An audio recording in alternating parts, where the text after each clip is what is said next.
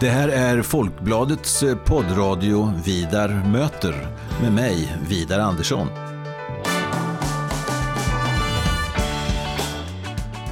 Jag är eh, chefredaktör på Folkbladet och jag är också ansvarig för Folkbladets ledarsida som eh, skrivs utifrån en oberoende socialdemokratisk hållning.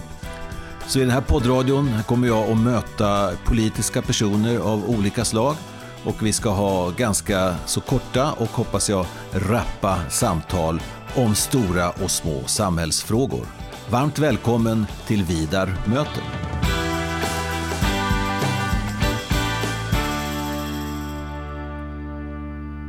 Karin Jonsson, varmt välkommen till Vidar möter. Mm, tackar, tackar. Du är kommunalråd i Norrköping Ja, för Centerpartiet ja. Och eh, du har ansvar för en lång, lång rad olika frågor Ja. på den tekniska sidan framför allt. Eller berätta lite vad du... ja, jag är ordförande i den tekniska nämnden då och vi har ju hand, alltså vårt största uppdrag där egentligen är gator och trafik. De delarna. Men sen är det ju parker och grönområden och färdtjänst, skolskjutsar och lite allt möjligt som Mm. ligger i den nämnden. Och sen har jag ju ansvar för miljö och klimatfrågorna. Eh, områdesutveckling, både stad och utanför stad. Eh, landsbygdsfrågor, skärgårdsfrågor i mitt område också. Jobbat väldigt mycket med bredbandsutbyggnaden. Nu Mm. har ju det satt verkligen fart och vi är nästan snart klara i Norrköping faktiskt. På landsbygden också. Eh, Så att jag har ganska många områden. Ordförande i rådet för handikappfrågor, funktionshindersfrågor. Håller jag också på med. Mm. Och du eh, regerar alltså i Norrköping här nu inne på andra mandatperioden tillsammans Ja. med Socialdemokraterna, Liberalerna och Kristdemokraterna. Mm. Ja. Första gången jag träffade dig, eh, jag tror det var 2004, jag hade precis börjat här. Jaha, Då åkte jag ut ja. med en kollega här, Jan Nordström. ja, just det. Hette. Vi åkte i bil hem till dig i Å Ja. på Vikbolandet. Mm. Eh, Där du hade samlat då de, de tre andra borgerliga partiledarna lokalt. Ja. Mm. För ni bildade då er allians. ja, precis. Precis som Maud Olofsson då Mm. hade gjort Ja. på nationell nivå. Hemma hos sig. Ja, det stämmer. Så, men det blev aldrig någon regeringsskifte här i, eh, i Nej. Norrköping. Nej, väljarna tyckte ju inte det riktigt. Nej. Va- Varför har Socialdemokraterna så starkt grepp så att säga, i, i, Norrköping? Norrköping, ja men det har väl mycket med historia att göra. Som gammal tung industristad, självklart. Eh, Det är väl ganska typiskt. Det ser, ut, det ser ut så i ganska många eh, stora industristäder Mm. i Sverige. Så att det har ju den historiken, självklart. Mm. Men nu är ni inne, du har regerat sex år nu. Då var det, Ja, fem år är det väl? ja, fem, ja. Ja, vi är inne på det sjätte kanske. Ni är inne på ja, det sjätte året. Ja, så blir det. Ja. Mm. Går det bra för Norrköping? Ja, det gör ju faktiskt det. Det går ju väldigt bra. Alltså näringslivet satsar ju och man investerar och det finns framtidstro. I, i, eftersom vi har mycket på gång med Ostlänken. Så vi ser ju att det har inte avstannat i andra kommuner i landet. Så kanske byggnationer och sånt har avstannat. Men Mm. det har det ju inte gjort här. Det är klart det är inte samma tryck kanske som det var för ett par år sedan. Men vi kom igång mycket senare också på byggfronten. Eh, Så att vi har ju den, den rulliansen igång fortfarande medan andra kommuner kanske att det har blivit lite mer avmattat. Då. Men i stort så går det ju bra för Norrköping och vi har ju minskat eh, arbetslösheten och snabbare än vad man har gjort i andra kommuner. Sen har vi naturligtvis bekymmer på andra eh, håll, Mm. självklart. Mm. Men om man ser i stora hela så går det ju ganska bra faktiskt. Jag läste Dagens Industri nu på morgonen här och det är Ja. ju en sida upp och sida ner alltså med eh, mycket svarta rubriker. Mm. Eh, apropå coronaviruset och framförallt de åtgärderna som eh, Mm. politiken nu sätter in i olika delar av världen. Det vill säga Ja. begränsningar av möten, flyg och allt sånt där. Att Mm. det går, man anar väldigt svåra tider för, för stor del av näringslivet i, i Sverige. Hur, hur, hur kommer det här att påverka uppgången i, i Norrköping? Ja, vi får väl se det lite grann. Alltså, rent på kort sikt så är det väl naturligtvis det här med nöjes, eh, alltså, eh, nöjeskontot som påverkas. Eh, Mm. Turism och besöksnäring och restaurang och allting sånt Mm. här. De, de tror jag kommer få tuffast eh, direkt. Eh, Så får man ju se lite grann hur industrin, eh, hur de reagerar där. Men det här kommer säkert att slå på många håll. Mm. Vår hamn till exempel som Mm. är väldigt, eh, som jobbar bara med export och import. Ja. eh, kan, kommer ju säkert kunna bli påverkad. Så att det här kommer ju att slå över eh, hela linjen tror jag. Mm. Och inte minst, ehm, alltså, som du säger, nöjen, handel, mycket Ja. sånt där jag har för mig att det vanligaste arbetet i, Sverige idag är att vara butiksanställd. Jaha. Ja. Alltså att du har en, hela den här tjänstesektorn som ju är i behov av att vi är ute och konsumerar, mm. rör oss, umgås. Jag tror att det är ganska spännande också, det kanske man inte ska säga i sådant här läge, men eh, det här kanske blir ett skarpt läge som vi inte varit med om i Sverige på flera hundra år egentligen. Att mm. man liksom blir restriktioner i privata mm. livet och näringslivet. Och, som också gör att vi kan få andra mönster. Mm. Jag var i kontakt med SKR här på morgonen till exempel och vi diskuterade om vi skulle ställa in vårt möte eller om vi skulle ha telefonmöte eller Skype. Mm. Jag sa nu kör vi på Skype. Nu är det liksom Skype-läge. Mm. Vi måste lära oss det. För ja. det här kan ju liksom ta ett halvår. Vi har ju utrustningarna som regel men ingen har ju vågat att börja med mm. det där. För ingen kan det ordentligt. Nej, precis. Så att det kan ju bli så att man eh, helt enkelt ändrar eh, Ja, att det blir mera sådana möten efter det här. Kollektivtrafiken. En del vågar ju inte åka buss och spårvagn utan går och cyklar istället. Mm. Det kanske blir då, men det här funkar kanske folk tänker. Mm. Vi fortsätter med det. Ja. Så att det finns flera olika delar eh, som kan bli en förändring mm. efter det här också. Mönster, hur vi beter oss. Ja absolut. Det kan, ja, det som vi inte är, känner till. Ja. Och sen när det gäller näringslivet så kan det bli ett, ett uppdämt behov också. Har man då, för pengarna finns ju egentligen kvar mm. någonstans. Även om börsen går ner och så. Men där människor inte konsumerar på resor och restaurangbesök nu, då har man kanske kvar i plånboken. Mm. Och det kommer kanske ut i näringslivet senare då. Mm. Men det blir ett avbräck. Mm. Ett positivt grundackord här hos dig mm. i alla fall. Ja, absolut. Ja. Själva, själva sjukdomen som sådan då? Alltså, eller smittan, ja. eller vad ska jag säga. Är det orolig? Nej, det är, jag kan inte säga att jag är direkt orolig men eh, det är klart att det finns ju eh, stora grupper som har anledning att vara där. Och, och det är mer orolig, hur vi, orolig över hur vi ska klara det inom vården till exempel. Äldreomsorgen, hur vi i kommunen ska kunna möta upp det här. Jag hörde Linköping prata om igår att de trodde att upp till 40 procent av deras personal kunde vara sjukskrivna. Och mm. det är mm. klart, är man då, då inom, inom vård och omsorg mm. till exempel, då är det ju riktigt krisaktigt. Ja. Då tror jag att man måste få stuva om och liksom kanske använda annan personal till... Ja, man får flytta på sig inom kommunen och hjälpa till där det behövs. Ja. ja det kan bli ehm, de närmsta veckorna här får vi se hur det utvecklas. Ja, ja. vet ju inte riktigt hur det blir. Mm. Men har ni satt igång någon krisorganisation i kommunen? Ja, det finns ju. Mm. Eh, det finns ju funktioner för det, då, krisberedskap och, mm. och, eh, så att det är ju igångsatt. Mm. Du, vi lämnar eh, virus och sådant för ett ögonblick och ja. dyker in i politiken igen. Ja. Jag tänkte vi skulle säga någonting om den nationella politiken. Mm. Vad tror du om eh, framtiden för det här, om vi kan kalla januariavtalspartierna? Så ja. Socialdemokraterna, Miljöpartiet, Centerpartiet, Liberalerna och i viss mån Vänsterpartiet. För det, man sitter ju på Vänsterpartiets... Eh... Ja, man sitter på allas, ja. alla ja, sidor egentligen för att få igenom någonting. Ja. Men kan det, skulle det här kunna utvecklas till ett mer riktigt regeringsblock efter nästa val? Vad tror du? Ja, det är jättesvårt att säga än så länge. Mm. Eh, det beror ju på lite grann hur KD och Moderaterna också ställer sig till Sverigedemokraterna. För det var ju mm. där som det sprack på egentligen. Ja. Eh, så att det är väldigt osäkert tycker jag överhuvudtaget. Vi mm. vill ju helst inte ha med Vänsterpartiet i de här mm. Eh, sammanhangen. Vi tycker inte att det är speciellt framgångsrikt. Men ja, jag har inget jättebra svar. Jag tycker det är ett svårt läge. Och för ja. oss som parti också, som Centerparti i nästa val. Mm. Hur, och hur våra väljare kommer att se på det. Om det kanske blir så att vi blir ett litet liberalt block i mitten då istället. Mm. Eh, men uh, som det ser ut nu så har ju ingen majoritet åt något håll. Utan det måste ju bli någon form av samlingsregering eller uh, som det är minoritetsregering nu med några stödpartier. Ja. Men vi har inte kommit riktigt långt, så långt i de diskussionerna mm. än, i vårt parti i alla fall.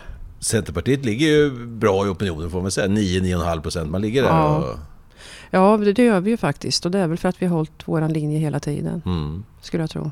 Att det finns en publik för det. Men det är som du säger att eh, Centerpartiet har haft många olika ansikten under åren. Ja. Det är ett, som jag ser mer pragmatiskt parti. Påminner ja. om Socialdemokraterna en hel del. Ska säga. Alltså som maktparti. Ja, vi är ju väldigt stort kommunparti mm, också. Mm, ja. Eller vi, vi växte väldigt bra i senaste valet också. Så vi mm. är ju ganska jordnära och pragmatiska personer ja, i partiet. Och det tror jag speglar alltihop mycket duktiga förtroendemän mm. och förhandlare även på riksnivå. Ja, precis. Att vi har den traditionen i partiet. Ja. Det har vi nog haft stor nytta av. En del mm. tycker att vi har fått för mycket genomslag i det här januariavtalet. Men, men eh, det var ju hårda förhandlingar. Mm. Men sen, ett avtal är en sak. Sen får man ju inte igenom mer än vad man får igenom. Och eh, Nej. som majoriteterna ser ut nu Mm. Egentligen så är det så att allt det Vänsterpartiet säger nej till, det kommer ju inte bli av. Det är ju den verkligheten kan ja, man säga. om de då kommer överens med de andra ja, på högerkanten. Ja. ja, och det ser man ja. ut att göra. Ja, nu har det inte, ja, vi får väl se ja. vad som händer mera där. Ja. Men det är så det fungerar. Alltså. Ja, precis. Och det är klart att får man stryk en del frågor, det är inte mycket att göra åt. Mm. Det är ju, demokratin fungerar ju så. Då. Men sen är det ju frågan hur länge de kan hålla på med det. Vad deras väljare tycker om det också. Då. Ja. På vänstersidan. Men jag anade lite av ditt svar här för någon min minut sedan att inne i, i bakhuvudet hos dig så finns ändå den här borgerliga alliansen kvar som ja, det gör ett det möjligt ju. alternativ. Ja, det gör det ju. Ja. Absolut. Du tror att Vi är ju ett borgerligt parti från början, Centerpartiet. Ja. Så, att, eh, så att eh, visst är det så. Mm. Mm. Hur pass borgerlig känner du dig själv? Eller, eller du? ja, jag är väl en mittenpolitiker i alla lägen. Ja. Tycker jag nog. Jag, jag, jag, läste ja. på lite här och såg när du har uttalat dig ibland. Eh, Expressen och Aftonbladet ibland ringer runt till till regionpolitiker i de olika ja. partierna. Jag såg 2016 var det ju en kris. Man diskuterade i riksdagen om de borgerliga partierna skulle lägga en egen budget mm. för oss ihop. Ja. Om du kommer ihåg det. Nej, kommer jag Nej, och då, då var du intervjuad i Expressen i alla fall. Ja. Och då, då förordade du att man istället skulle söka sig till samarbete med S-sidan. Istället för att lägga en budget som kanske skulle få stöd av Sverigedemokraterna. Ja, ja. ja men så kan det mycket väl ha varit. Mm. Ja, det tycker jag låter mer rimligt. Mm. Jag menar, alltså, om man tittar på politiken så är det ju, jag fick den frågan inför valet också. Och det är klart att jag, jag, tycker att det är bättre att man har ett samarbete med Socialdemokraterna än med Sverigedemokraterna. Det är ju mm. ganska självklart. Mm. Jag menar sossarna är något seriöst parti. Mm. Som jag inte tycker Sverigedemokraterna. Så att eh, ur den synpunkten så är det ju ett ganska enkelt val, mm. tycker jag. Att man måste ta ansvar och eh, vara regeringsduglig framförallt. Mm. Om du ser på era snart sex år här i samlingsregeringen här i Norrköping. Mm. Vad ska jag säga? Är det, är det några stora eftergifter som eh, du som mittenborgerlig politiker har fått göra för att kunna regera med, med Socialdemokraterna?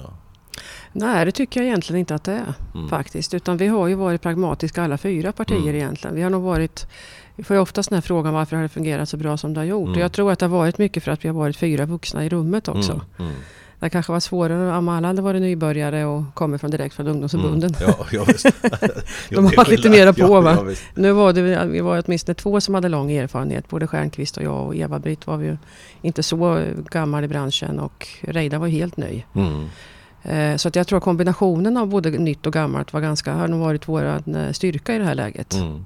Tror jag både nytänkande och ändå liksom att vi fick lära av erfarenhet eh, från sossarna som har suttit länge och så. så att mm. det var någon, blev en väldigt bra kombination. I valet 2018 så gick det ändå lite bakåt eh, för er fyra partier tillsammans. Ja. ja så ni, ni tappar majoriteten. Ja, det gjorde ja. vi. Och, eh, men om ni släppte in Miljöpartiet till exempel så skulle ni ha den här majoriteten igen? Eller? Ja, då sa det. Ja, det är klart vi har diskuterat det. Mm. Eh, men vi tycker att eh, ja, det blir svårare när man är fem partier kanske. Mm. mm. Eh, än om man är fyra. Och sen tyckte vi kanske inte riktigt att Miljöpartiet höll måttet i alla mm. lägen. Mm. För att vara med i en regeringskonstellation då. Så att det var ju de anledningarna. Mm. Sen har vi ju ett gott samarbete med Miljöpartiet för övrigt och så då. Men det krävs kanske lite mer när man sitter i en regeringsställning. Mm. Hörru, det finns en hel del lokala frågor här som eh, mm. engagerar många medborgare. Mm. Och, uh, jag vet uh, för 14 dagar sedan så var jag ute på ett par evenemang där den här femöresbron ja. var väldigt, ett väldigt hett diskussionsämne. Att ja. Det finns några medborgargrupper som sitter och arbetar med det här. Ja. Uh, kan du säga någon, någon minut här, sätta in lyssnarna här i vad handlar bråket om Femöresbron om? Ja, alltså Femöresbron, den var ju, eh, vi fick ju stänga av den efter en besiktning då, att den var för dåligt skick. Mm, och, och den, var ju en gammal som... Ja, den är från 1906 eller 7 eller någonting. Ja, den är och väldigt gammal. Strömmen. Ja. ja. Eh, och eh, vi, det vi gjorde då direkt från tekniska nämnden var ju att vi ville veta om det går att renovera bron eller inte. Mm. Eh, och eh, det tyckte väl alla partier att vi skulle undersöka. Sverigedemokraterna tyckte inte det. De tyckte att vi skulle köpa en ny bro direkt. Men mm. vi andra tyckte att eftersom vi visste att den var så pass folkkär, Femöresbron, mm. så, så vill vi ta reda på om vi, om vi inte kan eh, renovera den. Och det gjorde vi. Det var två olika företag som besiktade bron. Och man har ju, det är inte bara det att man tittar på bron utan man har ju teknisk undersökning. Man kan röntga genom mm. material och så vidare. Och eh, de kom ju fram till att ja visst kan man renovera bron men då är det, måste man i stort sett byta ut allting. Mm. Och då är frågan, är det en ny bro eller inte? Ja. Och med tanke på att vi vill ha en bro som ska hålla kanske hundra år till, eller vad det nu kan röra sig mm. om, så tyckte vi allihop att det är bättre att satsa på en ny bro som då följer dagens... För att är det då att man gör i praktiken en ny bro, mm. den, då måste man också följa dagens byggregler. När det gäller handikappfrågor mm. och byggnormer. Man fick, inte ha, man fick inte ha den här lutning till exempel på mm. bron. Så att vi bestämde då att vi satsar på en helt ny bro istället som följer dagens eh, mm. riktlinjer. Och eh, tog fram förslag och det visade sig upp i media. Det var ungefär likadant som den andra bron mm. men lite mera flack så att det inte så var riktigt mm. lika kul. Eh, men problemet var ju då att vi var tvungna att göra om fästena på båda sidorna Strömmen. Och bland annat vid brovaktarstugan. Och där kunde vi heller inte gå för mycket åt sidan för det, det till, det, då var man tvungen att liksom ge sig ut i vatten och vattendomar och alltså jättestruligt. Ja. Så vi tittade på en annan variant om man möjligtvis kunde flytta upp stugan lite grann. Längre upp på land. Mm. Eh, men det var ju där Länsstyrelsen sa ifrån om att, man, att det störde kulturmiljön där. Och vi visste ju liksom inte och de tyckte då att vi skulle lägga tillbaka den gamla bron. Men det tycker vi att det har inte de med att göra. De ska ju liksom titta på det vi har ansökt för. Ja. Det är ju vårt beslut om vi ska ha ny eller gammal mm. bro. Eh, så att de satte ju stopp för våra planer där då. Och vi har överklagat eh, det beslutet. Eh, och vi tittar ju även på, SMHI har ju sina vattenmätningar och det kan bli översvämningar och sånt. Det har tydligen varit översvämningar vid brovaktarstugan tidigare då. Mm. Det är jättelänge sedan men eh, vi tyckte då att man skulle lyssna på dem. Eh, ja, den information man fick mm. genom, eh, det finns ju sådana här översvämningskarteringar och grejer. Då. Att på så vis var det också bra för att rädda brovaktarstugan i en framtid om man också flyttar upp den lite grann. Men det tyckte inte Länsstyrelsen heller att man behövde bry sig om då. Så att den ena säger det ena och den andra säger något annat. Så landet ligger nu, är någon Finns det någon ny bro? Är det, nej, nej det gör det inte. Då, utan vi väntar på vad vi får göra ja. vid brofästena. Mm. För vi kunde inte använda de gamla brofästena till den nya bron. Mm. Och saken ligger nu? Den ligger hos miljö och, eh, mark, vad heter det, mark och miljödomstolen. Ja, första och, instans bara? Ja, och de kommer att göra ett besök på plats här i Norrköping i slutet på mars. Okay. Och det tycker vi är väldigt bra då. Mm. För vi har ju inga andra ambitioner heller att det ska bli bra då med mm. nya bron, modern bro och jättefin. Det, det var ingen som klagade på hur de skulle se ut. Men det handlar alltså om hur man ska fästa bron mm. i kanterna. Det är otroligt byråkratiskt. Alltså. Jag tycker det är angeläget att ägna lite tid åt det här. Jag menar, en, en kommunalpolitikers vardag. Man kan tänka, men sätt upp en bro, det är väl inte så svårt? Nej, precis. Nej, kan man ju tycka, ja, ja. ja, visst. Men det är oerhört många olika intressen. Är det, är det för många intressen? Kanske? Ja, jag har ju aldrig träffat på så många broexperter som det här året. Alla är ju experter ja, på broar. Det är som corona nästan. Ja, det är ungefär så. Va? just det. Och eh, ja, det har man väl lärt sig att det finns väldigt mycket experter och sånt. Men Samtidigt så finns det ju de som tycker att varför lägger vi så mycket pengar på en bro? Ja. Det finns ju en bro längre bort. Ja, och vi har liksom ont om pengar i kommunen ja. och vi bråkar om allt möjligt i vägföreningar och pengar. Alltså, Och så ska man lägga 30 miljoner på en bro. Mm. Då är det inte bron som kostar 30 miljoner ska man säga. Utan mm. det är ju allting runt omkring också. Forsla bort gamla bron, mm. få dit den nya och allting sånt. Då. Så att det är klart, det finns ju de som har sagt till mig med också, hur hela friden kan du bara gå med på någonting sånt tokigt? Ja, så att det är ju det som är vardagen. ja. Men eh, ditt stalltips är att det kommer att bli en, en ny bro? Ja, det, vi har ju budgeterat pengar och ja. det ska ju bli det. Såvida inte de säger något annat, eh, domstolen här nu, mm. då får man ju försöka hitta någon annan variant alltså. Ja. Men vi vill ju försöka göra en bro som var ungefär likadan som den gamla då. Mm. Du, en, en, annan sak eh, som diskuteras eh, mycket från och till, inte minst utanför själva stan, mm. är ju mm. vägföreningarna. Ja. Som vad, vad jag förstår följde med in när Norrköping eh, växte och ja. småkommunerna runt omkring då ja. inkorporerades här. Ja. 50-talet, 70-talet. Ja. Och um, nu pågår det ju en, eh, en diskussion om hur mycket bidrag man ska ha eller om mm. de ska finnas kvar och mm. vilket ansvar man ska ha. Och det där är en jättestor fråga. Eller? Ja, absolut. Det är ju en jättestor fråga. Jag tror det rör 30-40 000 medborgare egentligen. Ja eh, utanför stan och våra områden. Även inne i stan berör det ju faktiskt. Det finns mm. en del med enskilt huvudmannaskap här också. Ja. Och den här frågan har ju diskuterats i 50 år. Det är ja. väl 50-årsjubileum nästa år ja, tror jag. Precis. 71. Ja. Men vad, om man säger... Ja. Kommunen vill... Ja, vad vill ni? Ni vill inte ha Ja. de här vägföreningarna längre eller? Jo, det är beslutet, förslag till beslut kommer vara nu att vägföreningarna ska vara kvar. Att kommunen inte tar över huvudmannaskapet Ja, okej. för vägföreningarna. Mm, Och, de, och det är ju ett beslut som vi ändrar då. För för tio år Ja. sedan sa vi att vi skulle försöka ta över. Ja. Eh, och vi har ju också gjort ett försök i Norsholm då. Men sen ska man ju, det är inte bara att ta över, det låter väldigt enkelt. Men sen det med huvudmannaskapet är något annat. Då måste man göra om alla detaljplaner i de här Mm. områdena också. Och i- bara i Åby tror jag det var 27 planer. Och det är inte alltid kartan stänger, stämmer överens med verkligheten. Och eh, vi tror ju att det blir väldigt dyrt både för fastighetsägare och för kommunen om man ska ändra. Att det är Mm. ogörligt, som jag brukar säga. Mm. Men det är mycket, mycket ansvar på en del av de här vägföreningarna. Det är inte, bara, det är inte bara väghållningen, eh, Nej. lagaren och plogaren och Absolut. sånt där, utan det är bel- belysningen nu vad jag förstår på Ja, håll. belysningen har ju vi, det, har jag, det är ju den stora frågan nu då Ja. som vi diskuterar. Om, eh, det är också rörigt. Alltså det är ju så att vi har idag, vad vi har förstått så är det kommunal belysning i de här områdena. Och jag tror att det är så att det har varit, det låg aldrig på NME från början. Mm. NME såldes ju va? NME. Och, eh, det var Norrköpings miljö och Mm. energibolag, kraft, eh, energibolaget. Mm. Och jag tror aldrig att belysningen har varit inne där utan det har tillhört kommunen. Mm. Överallt alltså runt omkring? Ja, Ja, i, hela- i Norrköping hela- ja. Mm. Där det har varit eh, i alla fall de större orterna då. Mm. Men eh, det som skiljer det mot innerstan är ju då att den här belysningen ligger inom enskilt eh, huvudmannaskap i vägföreningarnas. Ja. och, och, den, och den var inte förrättade hos vägföreningarna heller. Och, eh, så de har inget ansvar för det där egentligen. Va? Och kommunen har ingen skyldighet att belysa Nej. enskild väg. Så att det där är ju... Eh, En har inga ansvar, en har ingen skyldighet. Nej. Nej, det är en, en nöt att knäcka. ja visst. Och det är på gång någonting här. Ja, vi undersöker ju om det finns möjlighet att kommunen kan stå som anläggningsägare i eh, de här områdena. Mm. Rent formellt också. Och det, här, det att det kommer på tapeten nu är ju för att E.ON, E.ON har ju vissa områden. Mm. Bland annat i Svärtinge och där gräver de ner sina ledningar nu. Mm. Och då frågar de, ja, vem ska ta hand Och då vill inte de ha hand om belysningen. Och då kom ju frågan Mm. då, ska vägföreningarna ha hand om belysningen eller kommunen? Mm.